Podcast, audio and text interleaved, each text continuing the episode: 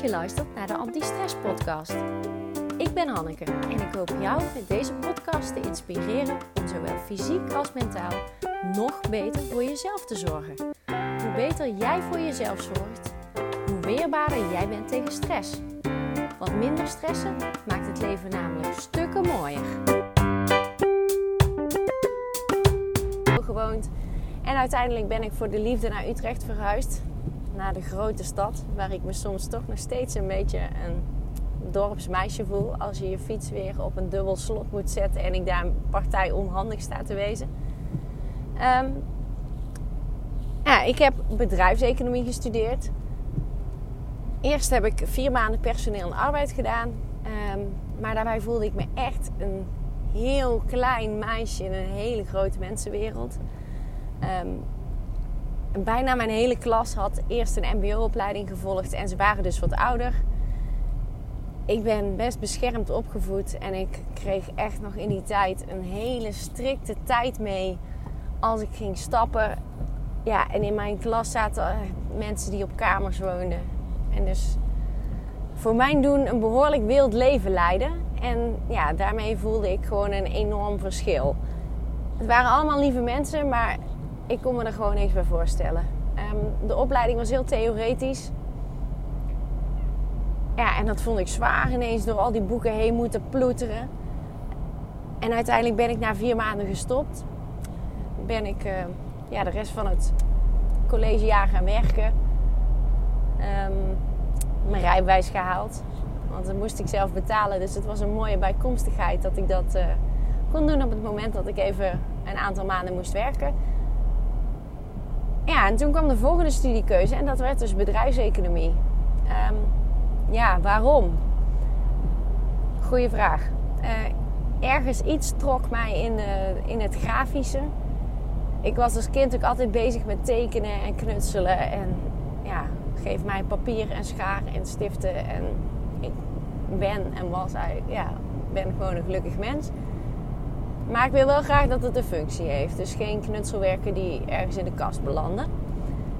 Ja, uiteindelijk was het toen nog net niet zo dat het, dat het, het webdesign en het, ja, het ontwerpen van allerlei dingen, dat dat zo bekend was. En het was me ook niet duidelijk dat je dat dus kon doen als je kunstacademie ging doen. Want ik denk dat ik het, als ik me dat voldoende had beseft, eh, dat ik er dan wel anders tegenaan had gekeken. Uh, want de hogeschool waar ik al uh, dus een aantal maanden op had gezeten in Den Bosch. Daartegenover hadden ze een vestiging dan van de kunstacademie. Ja, en daar stond uh, voor de ramen stond, stond een hele grote Eiffeltoren. Van wattenstaafjes aan elkaar geplakt. Nou, het leek me super leuk om te doen, maar ik ben ongelooflijk risicomijdend opgevoed. Dus ik dacht, ja, met dit soort plakwerken, ja, daar kun je echt geen droog brood mee verdienen. En dat was toch wel iets wat ik uh, zeker wel wilde.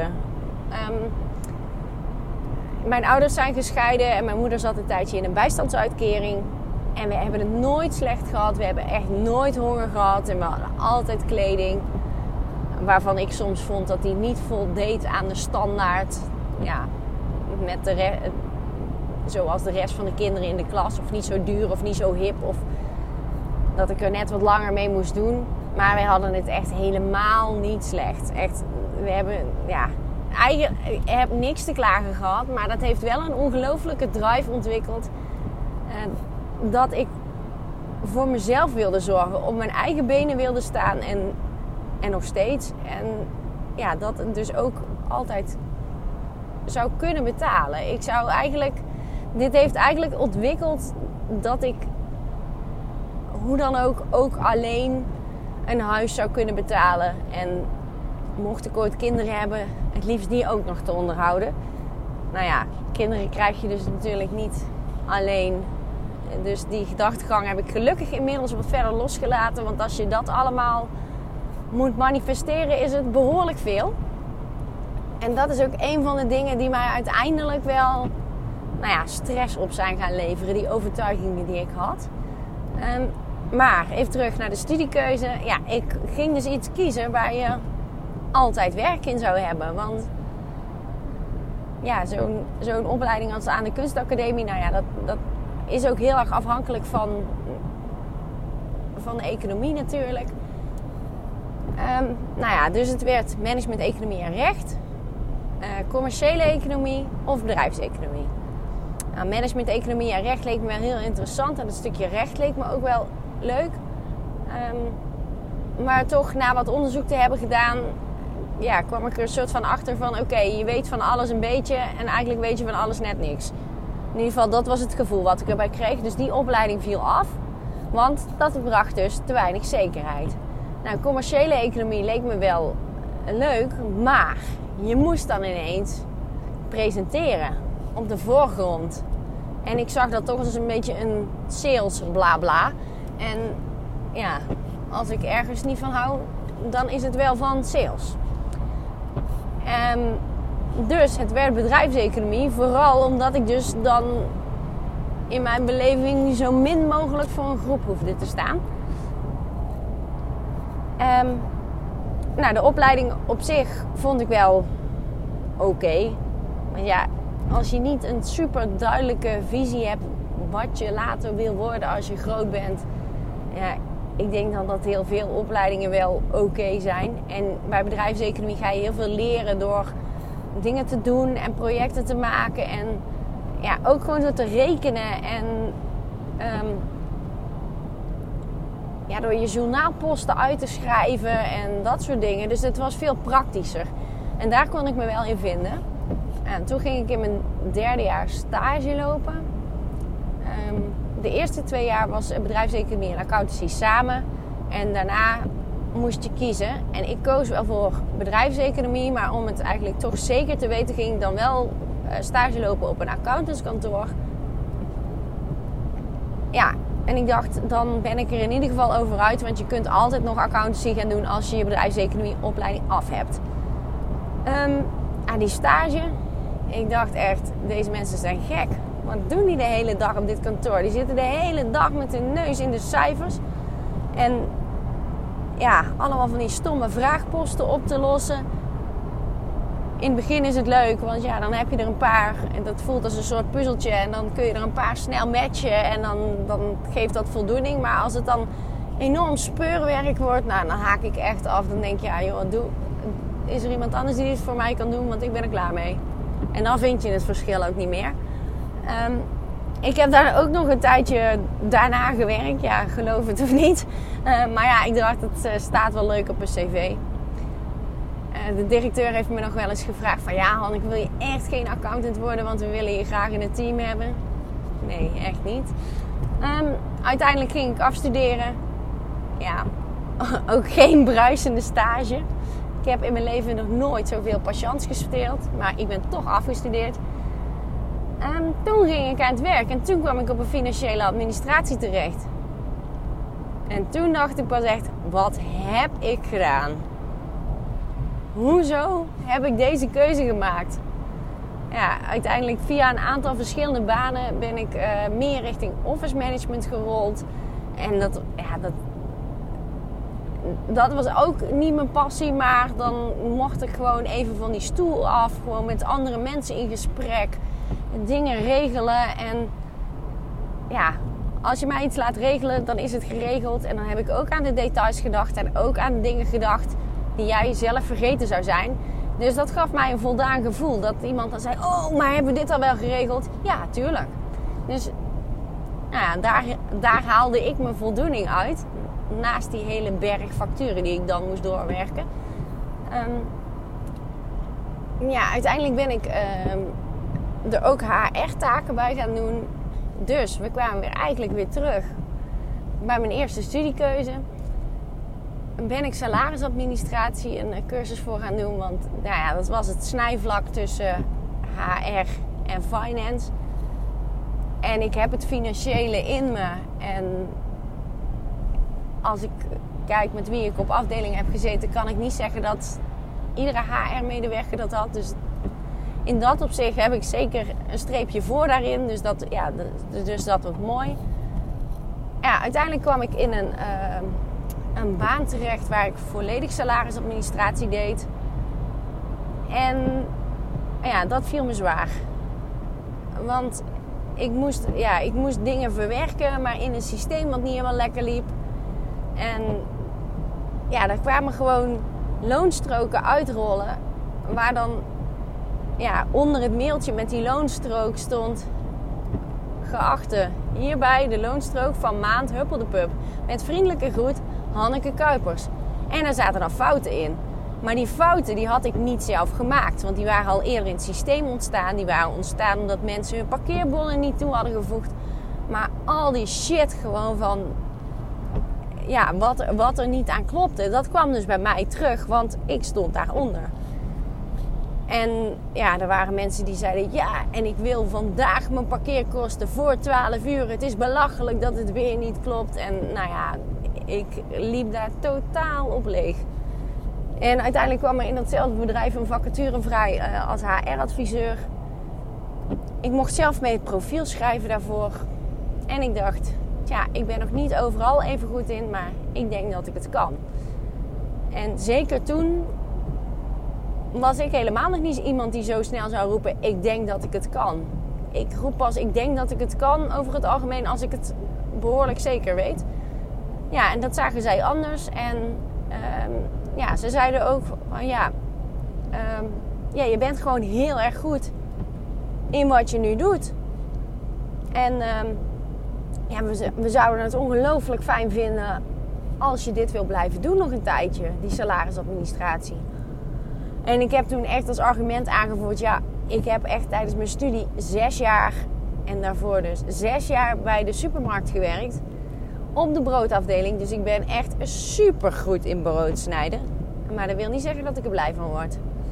Ja, ik kon kiezen of blijven als salarisadministrateur of mijn eigen pad gaan. Maar mijn eigen, het, voelde een beetje dubbel dus om bij te tekenen voor een nieuw tijdelijk contract. Maar mijn eigen pad gaan, dat was op dat moment helemaal geen optie. Want ik wist donders goed dat het helemaal niet goed met me ging. Ik was in de baan daarvoor, had ik, was er altijd een enorm hoge werkdruk. Um, ja, first time right was iets wat hoog in het vaandel stond. En ik laat het dan toch nog alles liggen op uh, een klein detail een punt in een arbeidscontract, waardoor je dan weer één blaadje opnieuw moet printen. En je zou denken, boeiend, één blaadje opnieuw.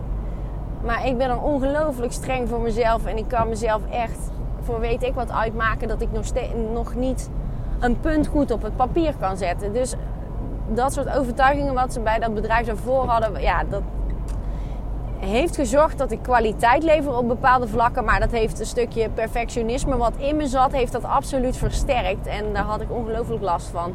En dat was ook waar ik last van had in die, ja, in die rol. Dus als volledig als salarisadministrateur. Want ik dacht, ja zie je, je kunt er niks van. En uh, ja, en wat moeten andere mensen wel niet van mij denken als er niet één, niet één maand gewoon een fatsoenlijke loonstrook uit het systeem komt rollen. Die zullen wel denken dat ik niet capabel ben. En daarnaast was ik eigenlijk gewoon veel liever met mensen in gesprek over, nou ja, niet per se leuke dingen, maar wel waar ik ze dan bij kon helpen. Of waar de, ja, de verhoudingen in het gesprek anders waren dan wanneer ze al boos op me waren. En ik dat probeerde te sussen en het probeerde uit te leggen. Um, dus uiteindelijk bij die baan als salarisadministrateur bijgetekend. Um, maar ja, ik wist, ik, intussen keek ik wel vacatures. Maar ik wist eigenlijk ook wel dat een heleboel dingen me ook niet gelukkig zouden maken. Ik had Held by Hanneke had ik al. Ik was al online coach voor personal body plan en dat moest er allemaal maar een beetje bij. Um, ja, ik had dan wel één dag in de week vrij, maar ik had het idee, ja, vrij, vrij om uh, aan mijn blog te werken dus. Wat toen eigenlijk dus nog niet, niet veel meer was dan een blog. Ja, ik vond dat ik ongelooflijk hard moest werken. Want als je, ja, als je hard werkt, dan kun je iets bereiken. En, ja, en ik zat dus dagen achter die laptop te ploeteren om er maar artikelen uit te krijgen. Ik begon ooit met eh, heel enthousiast met drie artikelen per week. Nou, dat was al lang afgezwakt en dat voelde als de eerste keer enorm falen. Ah, op een gegeven moment toen werden het er twee en dat werd, werd heel zwaar. Want ook om er een goede foto bij te hebben. En ja, het mocht eigenlijk ook allemaal niks kosten van me. Dus ja, die foto's moest je dan zelf maken. En hoe doe, doe je de juiste opstelling? En het grootste probleem was niet... ehm, ja, denk ik nu zou, zou het me misschien wel lukken om twee keer iets te schrijven en een foto te maken. Maar ik werd gewoon, ik werd gewoon zo leeggezogen. Dus mijn hele creatieve brein dat zat op slot. Dat doet het niet meer. Dat is het eerste wat er aangaat als je, ja, als je overloopt. Dus ik deed vier dagen in de week iets wat ik niet leuk vond. Ja, dan blijft er weinig ruimte en tijd over om met het leuke aan de slag te gaan. En daarnaast wonen we inmiddels in Utrecht. En ja, de, familie van mijn vriend woont in Friesland en mijn eigen familie in Brabant. Dus we waren ook in het weekend best wel vaak van huis. Wat natuurlijk ook niet echt een. Ja, wat niet echt zorgt dat je heel veel rust hebt. Of tijd hebt om dat creatieve brein eens even aan te wakkeren. Um, ja, dus het was ongelooflijk zwaar. En uiteindelijk was er één workshop uh, over uh, groeien op Instagram. En daar had ik me voor aangemeld en een kaartje voor gekocht. En dat was na een werkdag, was dat in Rotterdam. Ik denk ook als ik het nu zou moeten doen, dan zou ik het überhaupt niet meer doen. Um, maar ik wilde daar super graag heen. Want ik dacht nog steeds ergens, nou ja, als ik gewoon op een dag wakker word met uh, 10.000 volgers op mijn Instagram, dan heb ik. Um, ja, dan heb ik ook bezoekers op mijn website en dan kan ik betaalde artikelen schrijven en dan, uh, dan zie ik het wel weer en dan kan ik die stomme baan opzeggen. Dus ik dacht, nou, hier moet ik bij zijn. En ik had er heel veel zin in. Maar ik was ook ongelooflijk op. Um, ja, die avond ben ik op zich wel goed doorgekomen. Het was ook zeker interessant. En ja, ik had een OV-fiets genomen op Rotterdam Centraal. En andere vrouwelijke ondernemers die ik kende die er waren, uh, die waren met de tram. Dus ik zei, nou jongens, ik zie jullie straks al op het station. En als het goed is, hebben we die trein. Nou, zij haalden dat dus blijkbaar niet, want ja, ze moesten langer op de tram wachten dan verwacht. En ik was zo blij dat ze het niet gehaald hadden. Ik zat in die trein terug en ja, heel stilletjes. En de, de tranen stroomden over mijn wangen. Want ik was zo ongelooflijk op. En dat was iets wat ik al weken voelde, al wel maanden. Ik ging echt op mijn tandvlees naar mijn werk. En ik, ja, ik, ik probeerde me ochtends in de auto, probeerde ik me nog wel te verbannen. Want ik dacht ook, ja, hoe zie ik er anders uit? En dan is mijn mascara uitgelopen. Maar de terugweg, ik raak er gewoon nu weer geëmotioneerd door als ik het, als ik het vertel.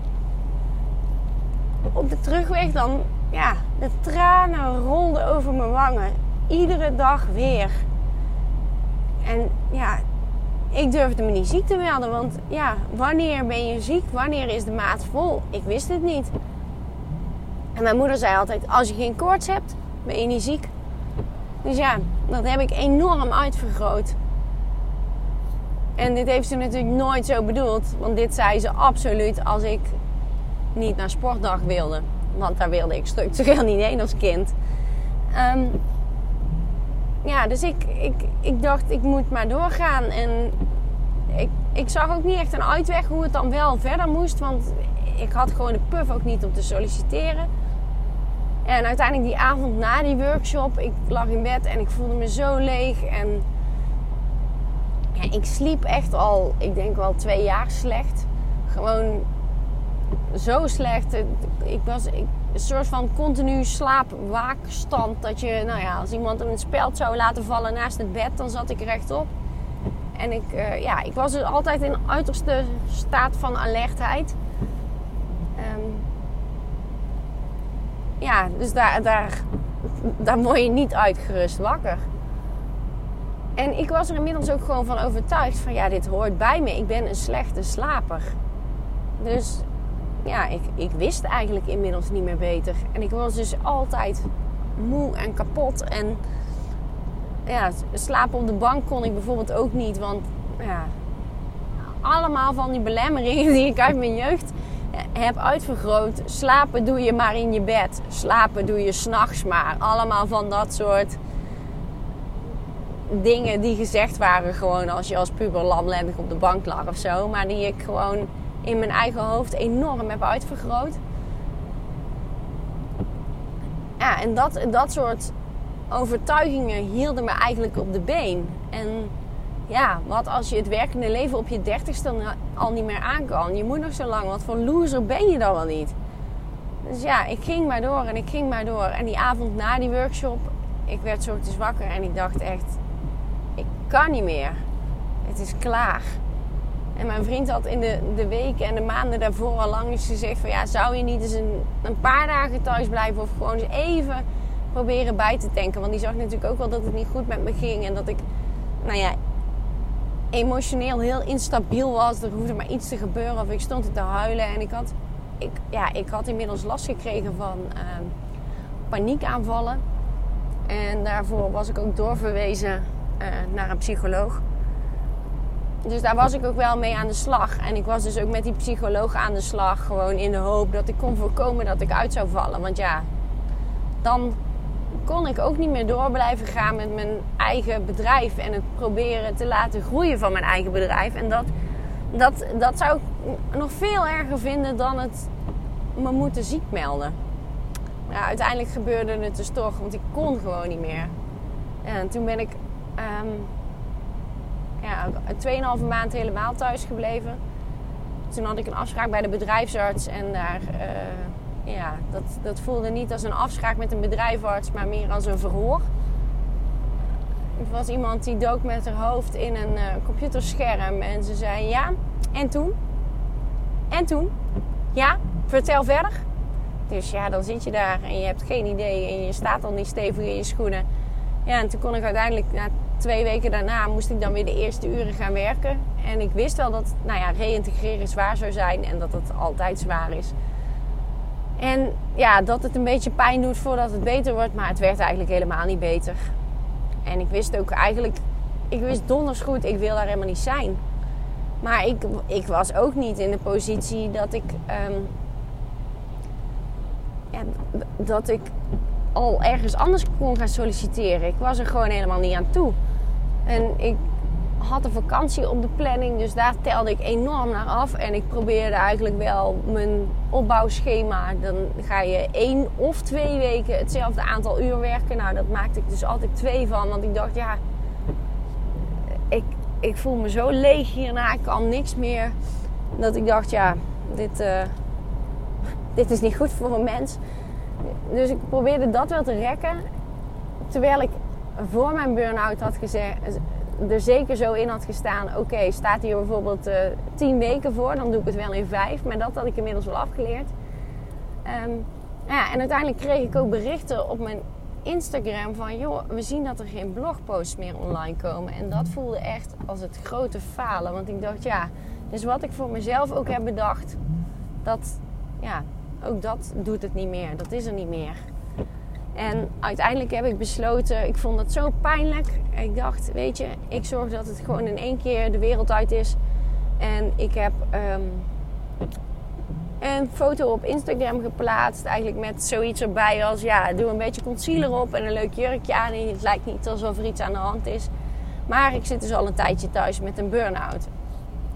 Nou, ik kreeg een hoop reacties van, van mensen met ja, sterkte. En oh, ik heb dit ook ooit gehad en het komt goed.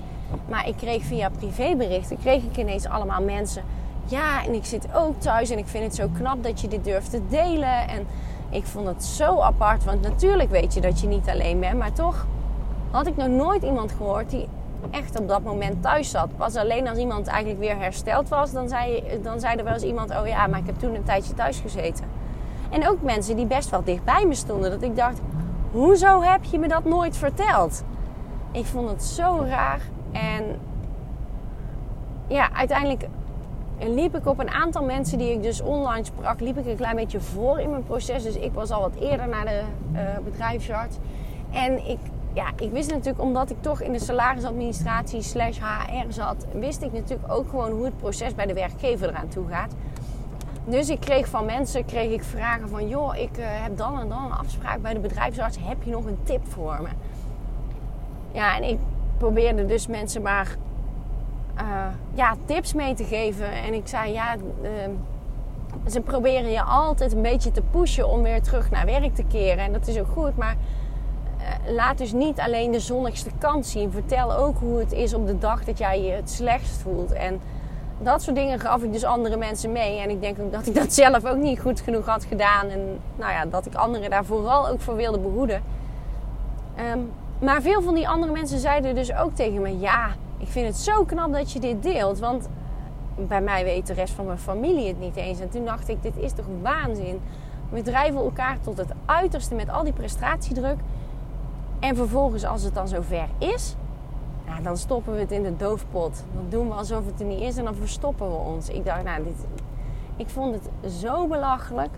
En uiteindelijk merkte ik dus dat ik van die mensen met die vragen uh, hun op weg helpen en tips geven, wat meer zelfvertrouwen en een pep talk geven, dat ik daar, uh, nou ja, daar leefde ik veel meer van op dan van dat reïntegreren. En ook dat dat taboe blijkbaar nog steeds zo groot was. Nou ja, dat, dat zorgde er eigenlijk echt voor dat ik dacht, nou hier moet ik iets mee. Het is belachelijk zoals we ermee omgaan.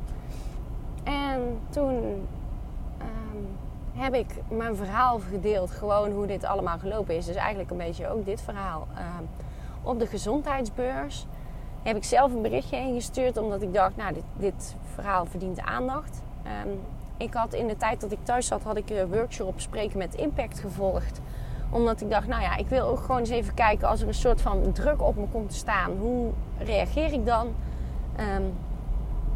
kan ik überhaupt wel iets? Want ja, je, je zelfvertrouwen gaat echt uh, terug naar onder nul als je thuis komt te zitten. Um, en dat, die workshop was zo leuk en ik bleef het er maar over hebben. En mijn vriend zei echt maanden later, zei hij, kun je alsjeblieft inschrijven voor die hele opleiding en er anders echt gewoon nooit meer over hebben, want ik word er echt helemaal niet goed van. Dus uiteindelijk was dit het, ja, nou, de duurste investering in mezelf ooit. Want de hele opleiding plus coaching kostte 2800 euro. En dat was dus het, ja, dat was dus het op één na duurste, dus na mijn auto. Alleen dan investeer je het in iets wat je niet ziet. Dus dat was super spannend.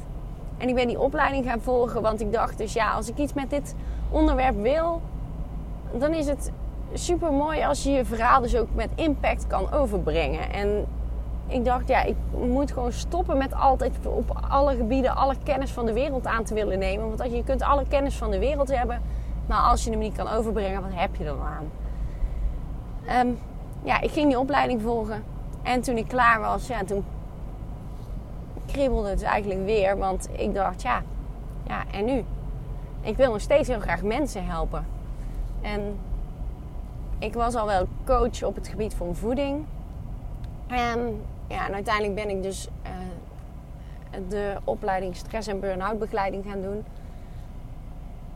Ja, om daar om dus niet alleen als ervaringsdeskundige aan de slag te gaan, maar ook echt meer kennis te hebben en echt ja, te weten hoe pak je dit nou goed aan. En dat is eigenlijk ja, ook een hele omslag geweest in mijn eigen bedrijf. Want ik ging dus eigenlijk van voedingscoaching naar stressgerelateerde klachten. En inmiddels had ik in die voedingscoaching ook heel erg gemerkt ehm, ja, dat ik uh, dat heel veel mensen hun voeding en zo niet op orde krijgen, omdat er andere dingen eerst aandacht behoeven. Als je enorm veel stress hebt, dan kun je wel 10 kilo af willen vallen. Maar ja, die, die stress die overheerst jouw leven zo dat je helemaal niet kunt afvallen eigenlijk. Of in ieder geval, je krijgt het niet voor elkaar, want dan voelt dat afvallen ineens als een enorm zwaar proces. Ehm, ja, dus ik ben die opleiding gaan volgen. En daar ben ik nu in de laatste fase en er lopen inmiddels al wat trajecten. En als ik ja, dan mensen help en elke keer voor een gesprek is er een soort van gezonde wedstrijdspanning. En denk ik wel, ja, ga ik nou meer waarde leveren aan deze persoon? Ehm, maar elke keer als ik weer buiten kom, dan denk ik, oh ja, dit is zo cool. Dit is zo mooi dat je mensen aan het werk zet en dat je mensen aan het denken zet vooral. En ja, ik ben nog steeds, ik ben, nou ja, ben je hersteld? Ik weet niet of je ooit helemaal herstelt van een burn-out, want ik denk dat je grenzen um, anders liggen dan voorheen. En ik denk dat je er ook niet meer zo lang overheen kunt. Je kunt wel eens even denken: oké, nu niet aanstellen en even doorzetten. Maar ja, je herkent de signalen van je lichaam eerder. En dat is denk ik ook goed, want je bent die zo, daarvoor zo structureel genegeerd. Ehm, ja, en dat is gewoon niet goed voor je gebleken. Dus ik, ik zoek zelf nog steeds naar een balans. En als ik bijvoorbeeld aan het einde van de middag een coachgesprek heb, dan denk ik er ook heel bewust over na. Wat doe ik dan de rest van de dag? Dus ja, ik ben ook nog steeds een mens en ik heb nu het leven niet uitgevonden. Ehm, maar ja, ik, ik kan wel zeggen dat ik een stuk relaxter in het leven sta. En ik denk dat ik, nou ja, er zijn denk ik wel wat uh, sociale contacten gesneuveld in, dit, in deze hele periode. En niet omdat ik die mensen niet mag, maar omdat het me ongelooflijk veel energie kostte. Of dat het mensen waren waarvan ik de hele tijd dacht: oh ja, die moet ik nog eens bellen. Maar die bellen dan eigenlijk zelf ook niet. Dus dat heb ik losgelaten. Dus ik ben zelf nog steeds zoekende. Maar ja, het, het helpen van mensen met stressklachten, nou ja, dat, dat, daar, daar loop ik echt warm voor. En ook om mijn verhaal te vertellen of om te vertellen wat je eraan kunt doen in de vorm van een workshop of een lezing. Uh, ja, dus eigenlijk ergens op een podium staan. Hetgeen wat ik dus absoluut niet wilde tijdens het kiezen van mijn studie. Ja, dat is nu eigenlijk toch wel een van mijn grootste dromen geworden. En ik vind het dus heel mooi om ja, te vertellen hoe een mens dus kan veranderen. En als je iets vindt waar je echt op aangaat, dat je ineens dat podium wel durft te pakken. Ja, dus dit is eigenlijk hoe ik van enorme stresskip naar stresscoach ben gegaan. En ja, wat ik met deze podcast wil, is dus vooral uh, nou, een inkijkje geven in mijn eigen leven. En uh, ja, hoe, hoe ik dit ervaar, hoe ik dit aanpak. En ik hoop jou ook te inspireren om ja, met jezelf aan de slag te gaan. De lat is wat minder hoog te leggen. En ja, eigenlijk meer, meer te genieten. Dus ja, dit zal niet, deze podcast zal niet iedere aflevering gaan over de 10 tips tegen minder stress, maar gewoon in alles wat meespeelt op het gebied van stress. Ja, en ik ben dus heel benieuwd naar dit, uh, hoe dit uh, nieuwe experiment gaat lopen. En ik ben ook heel erg benieuwd wat je nou vond van, dit, uh, ja, van deze eerste aflevering en van mijn verhaal. Ik dacht, ja, ik ga dit eerst, deze eerste aflevering ga ik gewoon eerst even mijn verhaal delen. En dan kan, heb ik daarna stukjes om op voor te borduren. Maar ik dacht, dit is een goede eerste stap. Dus laat me weten wat je ervan vindt. Um, ik zou het heel leuk vinden als je een rating geeft in iTunes. En tot de volgende podcast. Dankjewel voor het luisteren.